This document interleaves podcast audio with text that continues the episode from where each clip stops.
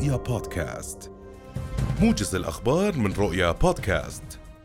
أطلقت دبابات الاحتلال الإسرائيلي النار على أطراف حي الشيخ رضوان ومخيم الشاطئ شمال غربية مدينة غزة في خرق جديد للهدنة التي جرى تمديدها يومين إضافيين. وكان القيادي في حركة حماس أسامة حمدان قد قال إن تجاوزات الاحتلال بحق اتفاق الهدنة الإنسانية تعرضه للخطر مؤكدا أنهم أبلغوا الوسطاء بذلك ليتحملوا مسؤولياتهم. تسلمت حكومة الاحتلال الإسرائيلي قائمة الدفعة الخامسة من المحتجزين في غزة الذين ستفرج عنهم حركة حماس اليوم في خامس أيام الهدنة بموجب الاتفاق الذي مدد يوم أمس. ومن المتوقع أن تشمل القائمة عشرة أسماء. ويتزامن ذلك مع اليوم الخامس للهدنة المؤقتة والأول من اليومين اللذين اتفقت حماس وإسرائيل على إضافتهما إلى أيام الهدنة الأربعة التي انتهت أمس والتي تم التوصل إليها بوساطة قطرية مصرية وأمريكية. وكان مكتب رئيس الوزراء الإسرائيلي بنيامين نتنياهو قال إن الاحتلال وافق على إدراج خمسين أسيرة فلسطينية في قائمة الأسرى المقرر إطلاق سراحهم إذا أفرج عن المزيد من المحتجزين الإسرائيليين من قطاع غزة. أفرجت سلطات الاحتلال الإسرائيلي فجر هذا اليوم عن الدفعة الرابعة من الأسرى الفلسطينيين والتي تضم 30 طفلا وثلاث أسيرات فلسطينيات وذلك بعد أن أفرجت حماس عن 11 محتجزا إسرائيليا في غزة. قائمة الأسيرات شملت عطاف جردات الأسيرة الأكبر في سجون الاحتلال وياسمين شعبان وكلتهما من جنين بالإضافة إلى الأسيرة المقدسية الطفلة نفوذ حماد. وبإطلاق سراح هذه الدفعة تكون حماس قد أفرجت عن 69 محتجزا لديها في قطاع غزة فيما أفرج الاحتلال عن 150 أسيرا فلسطينيا من النساء والأطفال خلال الأيام الأربعة للهدنة. هذا وعبر المفرج عنهم ضمن الدفعة الرابعة عن أوضاع سيئة عاشوها خلال وجودهم في سجون الاحتلال على رأسها التعذيب الجسدي والنفسي بالإضافة إلى إصابتهم بكسور وجروح. بعد ما يضربونا كل شيء بلبسونا هذول الأواعي أواعينا بلبسوناش اياهن وبقوا مسكرين علينا كل شيء في القسم في السجن إحنا مسكر علينا ويا دوب نطلع نتحمم. بكينا جديد صرنا نطلع نتحمم. قبل بكينا ما نطلعش من مرة فيش ولا فورة ولا شيء فيش طلع ولا شيء محشور. إحنا في زنزانة بس زنزانة جماعية. آه هون كسر وهون رضه هون كسر بصبعي وبيدي من هنا. آه وين رباط خفيف. أسرى آخرين اصيبوا فين؟ آه في أسرى ماتوا. في أسرى مش معلون عنهم. آه، في وحدات آه، هذول القمع بقتلوا. بيمسكوا الواحد بقتلوه. كتيلة موت وضع مأساوي. قعدنا 60 يوم. بس الله اللي يعلم فينا. بنستنى برحمة الله. فاتوا علينا وفاتوا علينا قمعة وكسرونا وما خلوش شيء أكل بكينا نساوي إحنا صاروا يجيبوا لنا أكل مدني. قبل سبعة كان أهون يعني بكى التعامل مع الإدارة بكى في كانتينا بكى في كل شيء عندنا كل شيء بالغرف ناكل نشرب نطبخ بعد الحرب ولا إشي.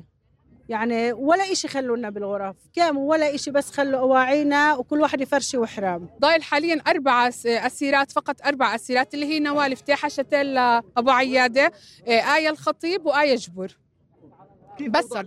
أوضاع الأسيرات صعب جدا جدا جدا. لا يوصف بالكلمات. تبعت سياسة الشباب التجويع والتعطيش والضرب والتنكيل. نشرت كتائب القسام الذراع العسكري لحركة حماس مقطعا مصورا لتسليم 11 محتجزا في قطاع غزة ضمن الدفعة الرابعة لاتفاق التبادل. وتمت عملية تسليم المحتجزين في جنوب غزة حيث تحرك الوفد المصري الأمني لغزة لتسلم المحتجزين. أفادت مراسلة رؤيا في مدينة القدس بأن شرطة الاحتلال لا تزال تحاصر منزل عائلة الأسيرة المحررة نفوذ حماد من حي الشيخ جراح في مدينة القدس وتمنع الطواقم الصحفية من إجراء مقابلات معها. للمزيد من التفاصيل تنضم إلينا الآن آية عبر الهاتف. أهلا بك آية الخطيب مراسلة رؤيا في مدينة القدس. إذا ما أبرز المعطيات لديك حول محاصرة الاحتلال لمنزل الأسيرة حماد؟ وأيضا ماذا عن آخر الانتهاكات في مدينة القدس المحتلة؟ آية. نعم يعني منذ أن تم إدراج اسم الأسيرة الطفلة نفوذ حماد على قائمة من سيتحرر مساء الأمس. قامت قوات الاحتلال بحصار حي الشيخ جراح في مدينة القدس حيث تقطن عائلة الأسيرة وبدأت انتهاكات الاحتلال هناك. قامت قوات الاحتلال باقتحام منزل الأسيرة ساعات قبل تحررها وقامت بطرد كل الصحفيين الذين كانوا يتواجدون داخل المنزل بشكل همجي وعنيف من المنزل. وأيضا قامت بتحرير مخالفات لكل الصحفيين الذين كانوا يتواجدون هناك. ومن ثم قامت بطرد أقارب عائلة الأسيرة نفوذ. الاحتلال ومنذ الليلة الماضية وبعد أن تحررت من الاسر استمر بحصار منزل العائلة حتى هذه الساعات. عدد كبير من الصحفيين حاولوا الاقتراب من المنزل ولكن شرطة الاحتلال عاولت عادت وقامت بتهديدهم بأنهم وفي حال لم يخلوا المنطقة سيتم اعتقالهم جميعا. الاحتلال قال بأنه حتى في الأيام القادمة لن يسمح لأي صحفي من الاقتراب من منزل الأسيرة المحررة نفوذ حماد علما بأن وزير أمن الاحتلال القومي إيتمار بن گفير وعدد كبير من المستوطنين يحاولون طرد عائلة الأسيرة نفوذ حماد من حي الشيخ جراح بعد أن اتهمها عدد من المستوطنين بأنها حاولت طعن مستوطنة في حي الشيخ جراح. ورغم عدم وجود أي برهان لذلك ورغم أن الأسيرة لم تعترف لعدم وجود دلائل قام قامت قوات الاحتلال بإعطائها حكم 12 عاما في سجون الاحتلال قبل ثلاثة أسابيع ولكنها تحررت بالأمس ضمن صفقة تحرير الأسرة. فيما يتعلق في مدينة القدس الاعتداءات متواصلة بكل الأحياء الفلسطينية وخاصة الأحياء التي تحرر منها أسرى أطفال وأسيرات في الأيام الأربعة الأخيرة حيث أن الاحتلال يواصل مداهمة المنازل ويواصل اعتداءاته على كل من يتواجد في محيط منازل الاسرى المحررين.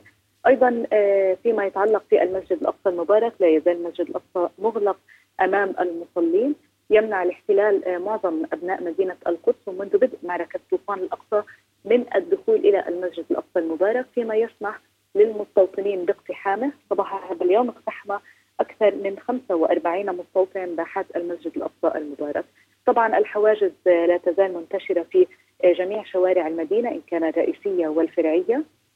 وأيضا الاحتلال يواصل تفتيشاته الاستفزازية للمواطنين والاعتقالات في مدينة القدس والضفة الغربية.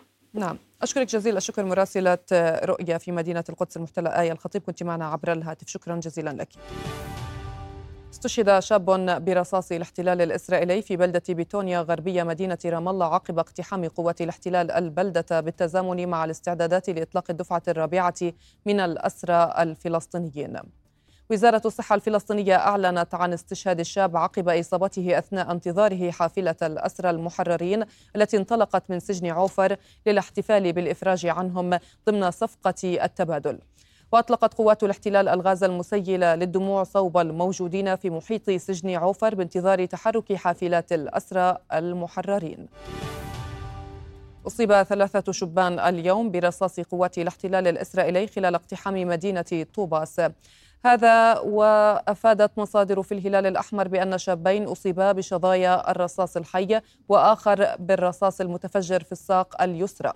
واقتحمت قوات الاحتلال في ساعات هذا الصباح المدينة من مدخلها الشمالي وانتشرت في عدد من أحيائها. وحاصرت أحد المنازل وطالبت شابا بتسليم نفسه حيث احتجزت عددا من أقاربه واستجوبتهم ميدانيا وسط اندلاع مواجهات. إذا للوقوف على آخر التفاصيل ينضم إلينا عبر الهاتف من نابلس مراسلنا حافظ أبو صبرة. أهلا بك حافظ. إذا حافظ بأح... ضعنا عفوا بأحدث التفاصيل حول اقتحام قوات الاحتلال لمدينة طوباس وهل لا تزال متواجدة في المدينة؟ نعم خلاص انسحبت قوات الاحتلال من كل المحاور في مدينة طوباس بشكل ظاهري. هذا بعد فشلها في اعتقال أحد المطاردين وفقا لما أعلنت عنه كسبب لهذه العملية العسكرية التي تنفذها منذ ساعة مبكرة من صبيحة اليوم. العملية تخللت اشتباكات مسلحة بين مقاومين تصدوا لهذا الاجتياح وقوات الاحتلال كانت تطلق رصاص الحي بشكل عشوائي ما أدى إلى إصابة ثلاثة فلسطينيين نقلوا إلى المستشفى التركي في مدينة طوباس فيما اعتقلت قبل انسحابها والد وشقيق الشاب الذي تدعي بأنه مطارد وانسحبت من الطريق صوب مناطق الأغوار الشمالية المحتلة عبر حاجز تيسير وهناك مع المواجهات قامت بإطلاق الرصاص الحي ما ادى إلى إصابة طفل كانت الإصابة الرابعة هو في الثالثة عشر من عمره وأصيب بالرصاص الحي في الصدر حالته خطيرة لكنها مستقرة. اجتياح طوباس يأتي آه، آه، في ظل استمرار عمليات الاعتقال والمداهمة في مختلف أنحاء الضفة الغربية وكانت أكبر حملات الاعتقال في بلدة بيت فوريك شرق نابلس المحتلة حيث اعتقلت قوات الاحتلال 11 فلسطينيا فيما عدد الفلسطينيين المعتقلين منذ صبيحة هذا اليوم 56 فلسطيني من مختلف أنحاء الضفة الغربية من بينهم سيدة. وهذا يرفع عدد حالات الاعتقال منذ بدء الهدنة المؤقتة في قطاع غزة قبل خمسة أيام إلى 133 حالة اعتقال فيما في المقابل قوات الاحتلال قامت بعملية تفجير منزل الأسير أو منزل الشهيد عفوا داود درس منفذ عملية حاجز بيت سيرة قبل شهرين في بلدة دير عمار قرب رام الله. وخلال التفجير اندلعت مواجهات مع قوات الاحتلال أدت لإصابة عدد من المواطنين فيما خلال انسحابها قوات الاحتلال كانت تطلق الرصاص في كل المناطق التي تمر بها. وخلال المواجهات كان هناك شهيد برصاص قوات الاحتلال هذه في قرية كفر عين القريبة من قرية دير عمار قرب رام الله المحتلة وسط الضفة الغربية. هذا يرفع عدد الشهداء في مختلف مناطق الضفة الغربية منذ بدء العدوان على قطاع غزة في السابع من أكتوبر إلى 241 شهيدا. نعم. حافظ يعني آه، ضعنا بأبرز ردود الفعل في الضفة الغربية المحتلة إزاء الإعلان عن تمديد الهدنة ليومين إضافيين. يعني الفلسطينيون في الضفة الغربية يمنون النفس أن تنتهي الحرب. ليس فقط أن يتم تمديد الهدنة لأيام إضافية لأنهم يعلمون بأن الهدنة هي عبارة عن جرعة مسكنة إضافية تضاف للأيام التي مرت وبدأ خلالها الغزيون بالبحث عن آلامهم تحت الركام عن شهدائهم وجرحاهم وخسائرهم المادية حتى وحياتهم التي يحاول الاحتلال القضاء عليها. من من هذا المنطلق يعني الفلسطينيون يشعرون بنوع من الارتياح ويمنون النفس أن يتم تمديد الهدنة أكثر وأكثر. هذا في ظل آه، آه، راحة الغزيين من كل هذا الدمار وهذه الجرائم التي ينفذها الاحتلال. في المقابل هذا من شأنه أن يفرج عن المزيد من الأسرى في ظل إعلان آه، وزارة الخارجية القطرية عن أن يومين إضافيين من الهدنة يعنيان إفراج المقاومه عن 20 من الاسرى المستوطنين لديها فيما سيفرج الاحتلال عن 60 أسير إضافي. ربما يكون هناك أسيرات من ضمن هؤلاء وفقا لقائمة أولية مسربة.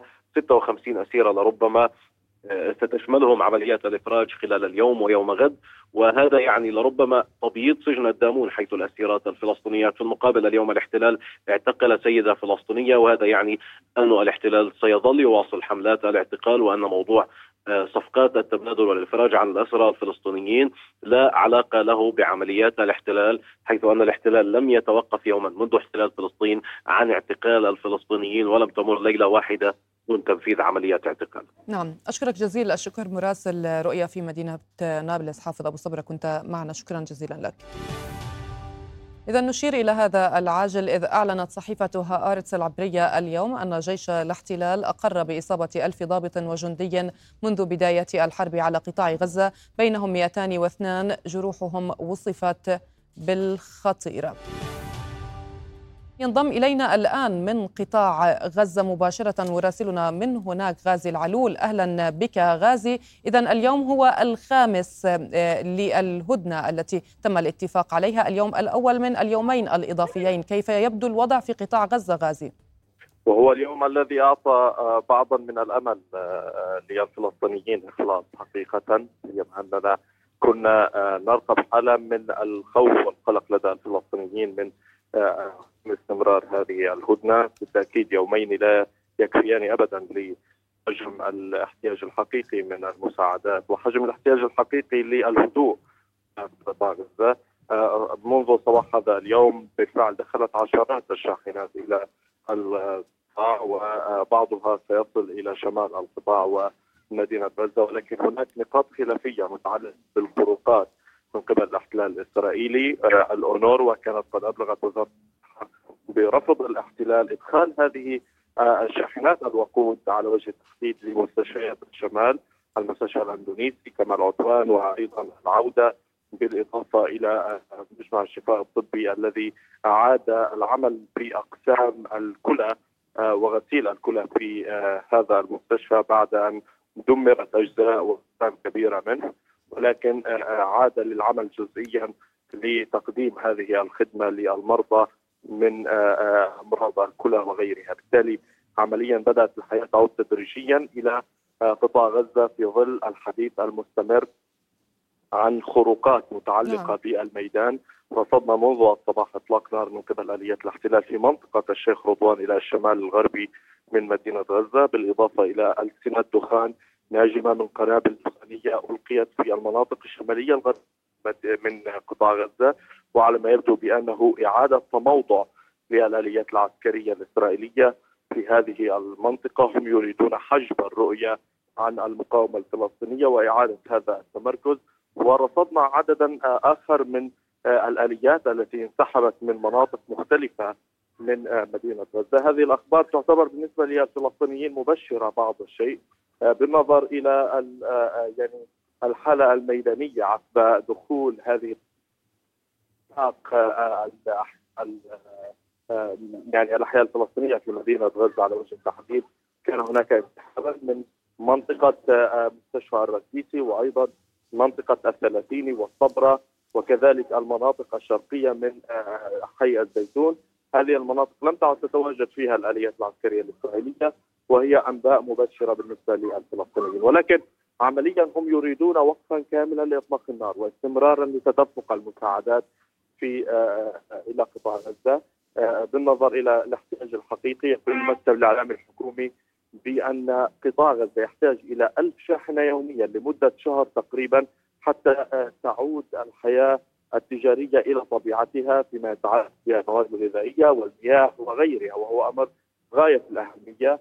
فيما تقول الأونروا إن القطاع يحتاج إلى شهرين مع دخول 200 شاحنة في اليوم ليستطيعوا معالجة الوضع الكارثي الإنساني هنا في غزة نعم. وعلى ما يبدو بأن هناك محاولات ومباحثات مستمرة من قبل الوسطاء لتسيير هذه الهدنة إلى أطول من ذلك سيما أن الفصائل الفلسطينية كانت قد خرجت قبل قليل ببيان مشترك أكدت فيه هذه المساعي ورحبت بكل الجهود المقدمة من قطر وكذلك من بطبيعة الحال من مصر والوسطاء لتسيير هذه الهدنة وتهيئة الظروف العامة لوقف كامل لإطلاق النار عمليا انخفضت التصريحات المتعلقة من جانبين سواء الفلسطيني والإسرائيلي فيما يتعلق بوتيره قد نشهد تمديدا اضافيا لهذه الهدنة خلال ال 24 ساعة المقبلة.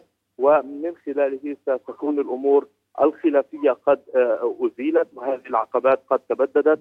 ومن خلال هذه المباحثات المستمرة قد يكون هناك توافق حول صيغة نهائية لصفقة كبرى وشاملة من ضمنها انسحاب العسكرية الإسرائيلية من قطاع غزة بالإضافة إلى تمكن أعداد كبيرة من النازحين للعودة إلى مدينة غزة.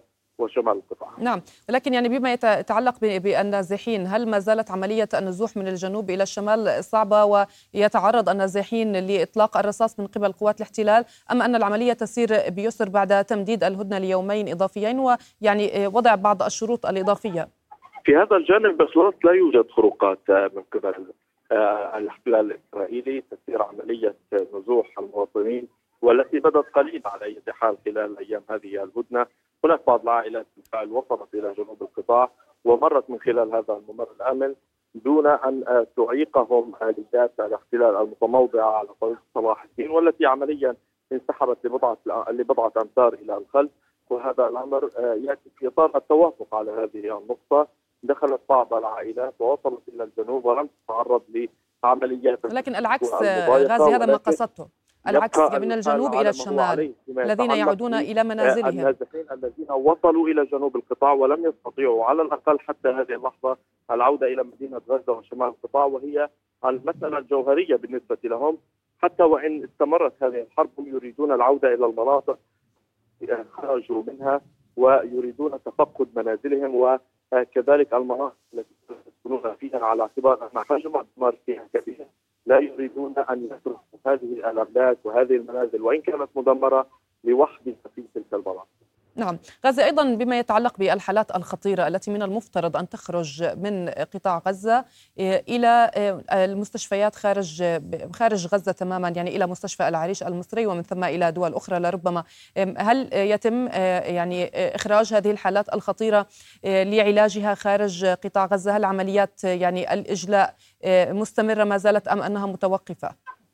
يعني كان هناك آه، مطالب في آه، البيان المشترك الذي خرج من الفصل دعت فيه مصر لاستقبال عدد أكبر من المصابين الذين هم في حالة الخطر وهذا يدلل على أن مصر تستقبل بالفعل بعض الحالات ولكن عمليا آه، المنظومة الصحية هنا وإن كان انهار منها 75 من من القطاع الصحي إلا أنها تشعر ببعض الحل لأنها تعمل في ظروف آه، آه، ليست كما السابق في 48 يوما من القصف وأعداد كبيرة من الإصابات. لذلك هي قادرة على تلبية الاحتياج الحقيقي للمصابين آه، الذين يعني توافدوا طوال أيام هذه الحرب وقادرة على يعني معالجتهم بالإضافة إلى أن المستشفيات الميدانية التي وصلت إلى قطاع غزة على غرار المستشفى الميداني الأردني الذي بالفعل سيباشر العمل آه، خلال ساعات قليلة آه، آه، عملية معالجة المصابين بالإضافة إلى المستشفى الميداني الإماراتي الذي وصل وسيباشر العمل بعد خمسة أيام من الآن من المفترض أن تخفف من حجم الكارثة الصحية المتعلقة بالكادر الطبي الذي لم يستطع طوال الأيام الماضية أن يعالج هذا الكم الكبير من المصابين. هذه المستشفيات ستساعد في تخفيف حدة الكارثة الإنسانية ولن يكون هناك يعني على الأقل احتياج حقيقي لخروج المصابين إلى خارج القطاع كما كانت المطالب في البداية. ولكن إذا ما كانت هذه الخطوة مصدر ترحيب واستجابة من قبل المصريين فإن وزارة الصحة هنا لن تعارض ابدا وستساعد وستسهل هذه العملية، أيضا يمكن الحديث عن الجهود المبذولة في انتشال الجثامين، اليوم في منطقة حي الصبرة أكدت وزارة الصحة انتشال 150 جثمانا من مجزرة كانت ارتكبت بحق عائلة الحسينة وأبو شريعة. حتى هذه اللحظة ولا زال هناك عدد آخر تحت الأنقاض وبالتالي آه، هناك عمليات مستمرة لانتشال الجثامين وهو الأمر الذي رفع عدد الشهداء آه، وفق آخر البيانات من وزارة الصحة إلى 16 ألف شهيد. حتى هذه اللحظة من الممكن أن تكون هذه الأرقام ليست دقيقة على أي حال بالنظر إلى أن هناك مناطق لم تستطع سياره الإسعاف واطقم الدفاع المدني الوصول إليها خلال الأيام الماضية، بالتالي عمليا يمكن فهم بأن هذا الرقم سيزداد آه، آه، وسيكون أكبر بكثير مما نشهده اليوم وقد تكون الأيام المقبلة إذا شهدت هدوءا أكبر للآليات العسكرية الإسرائيلية ستكشف عن أرقام أخرى ومختلفة عن التي نشهدها اليوم. نعم. أيضا آه، يعني غازي حدثنا عن ردود الفعل آه، داخل قطاع غزة إزاء تمديد الهدنة ليومين إضافيين وكيف تلقى الغزيون هذا النبأ؟ بكل سرور بطبيعة الحال آه، يعني هم يفهمون هذه الهدنة في إطارين. الإطار الأول أنه لن يستشهد 300 من المواطنين في اليوم ولن يصاب أو يعاق نحو ألف من المواطنين جراء توقف هذا القصف الهمجي من قبل الاحتلال بالإضافة إلى عودة الحياة بعض الشيء إلى طبيعتها في مناطق عدة كالمناطق. عاد المواطنون آه، الذين نزحوا من هناك إلى منازلهم. بدأت حركة الأسواق تشهد نشاطا آه، غير سياسي على غرار الأيام الماضية التي كانت بالتأكيد تشهد ركودا وحالة من الركود الكبير في الأسواق التي آه، استهدف بعضها كسوق النصيرات على الرغم من هذا الدمار شهدنا بالأمس حركة آه، غير اعتيادية وحركة كبيرة من قبل المواطنين في آه، هذه الأسواق لتلبية الاحتياج اليومي بالنسبة لهم ولأسرهم بالإضافة إلى أن المساعدات التي تدخل تساعد في تنشيط هذه الحالة. بدأنا نلمس أيضا تواجدا و توافدا كبيرا للمواطنين أمام المراكز آه، أو محطات تعبئة الغاز غاز الطهي أو حتى الوقود كالسولار والبنزين. بالفعل هناك طوابير كبيرة آه، قد تمتد لنحو كيلو متر آه، يقف فيها المواطنون وينتظرون ربما أكثر من 24 ساعة حتى يلحق بهم الدور. ولكن على أي حال هذا الوضع افضل بكثير مما كانوا يعيشونه على مدار 48 يوما من الحرب بالتالي آه، آه، آه، هم سعداء بهذه الهدنه ولكن تبقى الأمال معلقة حول الوصول إلى وقف نهائي وكامل لإطلاق النار. نعم أشكرك جزيل الشكر مراسل رؤيا في قطاع غزة غازي العلول كنت معنا شكرا جزيلا لك. قال رئيس حكومة الاحتلال بنيامين نتنياهو إنهم مستمرون في المخطط كما تم الاتفاق عليه وأن هدفهم إطلاق سراح المحتجزين واستكمال القضاء على حماس على حد تعبيره بالإضافة إلى ضمان عدم تكرار ما وصفه بتهديد أمن الكيان. من جهته قال المتحدث العسكري باسم جيش الاحتلال دانيال هاجاري إن الجيش يحمل على عاتقه إعادة جميع المحتجزين في قطاع غزة سواء عن طريق الاتفاق أو الحرب. وأضاف هاجاري أنه يجري أخذ معلومات استخباراتية من المحتجزين المفرج عنهم محملا حماس مسؤولية حياة جميع المحتجزين. وأشار إلى أن الجهود مستمرة برعاية مصر وقطر لإعادة جميع أسرى الحرب في قطاع غزة. دعا الأمين العام للأمم المتحدة أنطونيو غوتيريش إلى هدنة إنسانية كاملة بين الاحتلال الإسرائيلي وحركة حماس بدلا من الوقف المؤقت لإطلاق النار.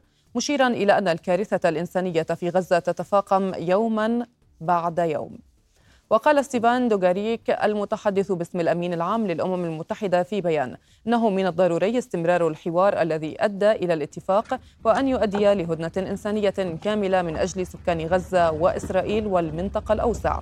وذكر أن الأمم المتحدة كثفت تسليم المساعدات الإنسانية إلى غزة خلال الأيام الأربعة الماضية في أثناء الهدنة وأنها أرسلت مساعدات إلى بعض المناطق الشمالية من القطاع المحاصر الذي ظلت أجزاء كبيرة منه معزولة لأسابيع. قالت وزارة الخارجية الأمريكية إن الوزير أنتوني بلينكين أعرب في اتصال هاتفي مع رئيس الوزراء القطري الشيخ محمد بن عبد الرحمن الثاني عن شكره لدولة قطر وجهودها لإطلاق سراح الأسرى.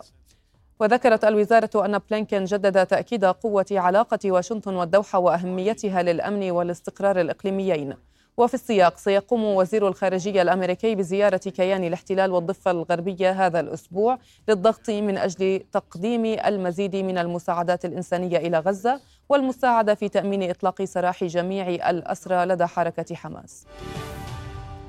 رحب الأردن بتمديد اتفاق الهدنة الإنسانية في قطاع غزة ليومين إضافيين مشيدا بالجهود الدبلوماسية المكثفة المبذولة من قطر بالشراكة مع جمهورية مصر والولايات المتحدة الأمريكية. وزارة الخارجية وشؤون المغتربين أكدت أن هذا التمديد خطوة هامة تفضي إلى وقف الحرب على قطاع غزة وتضمن إيصال المساعدات الإنسانية للأشقاء الفلسطينيين في كافة مناطق القطاع وبما يكفل بقائهم في أماكن سكناهم ومنع تهجيرهم قسريا. إذا وصلنا إلى ختام الموجز. في أمان الله.